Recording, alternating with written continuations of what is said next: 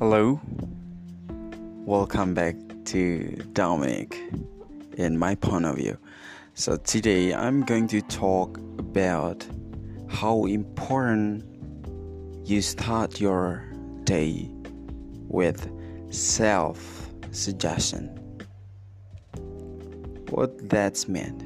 Self suggestion is really important before you start all of your plan in a whole day. You know, life is never perfect. Your life is never be perfect. You know, sometimes happened uh, without your control, and sometimes happened out of your plan and whatever.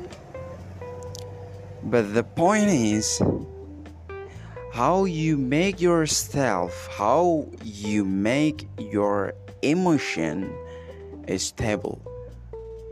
That's the main problem in every single day.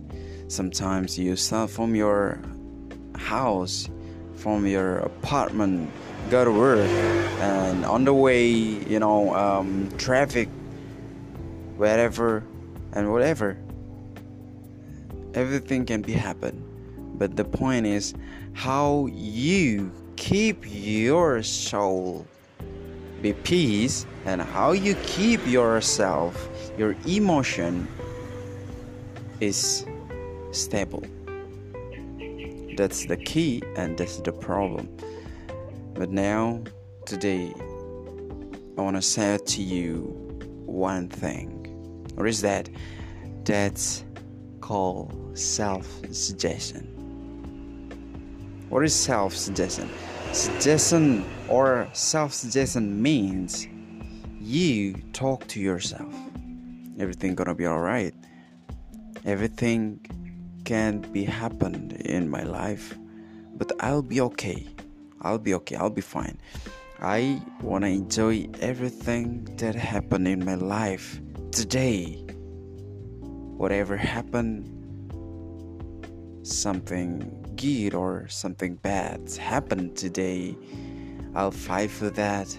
I'm gonna be alright and everything go- gonna be fine. Just talk to yourself like that and everything gonna be alright.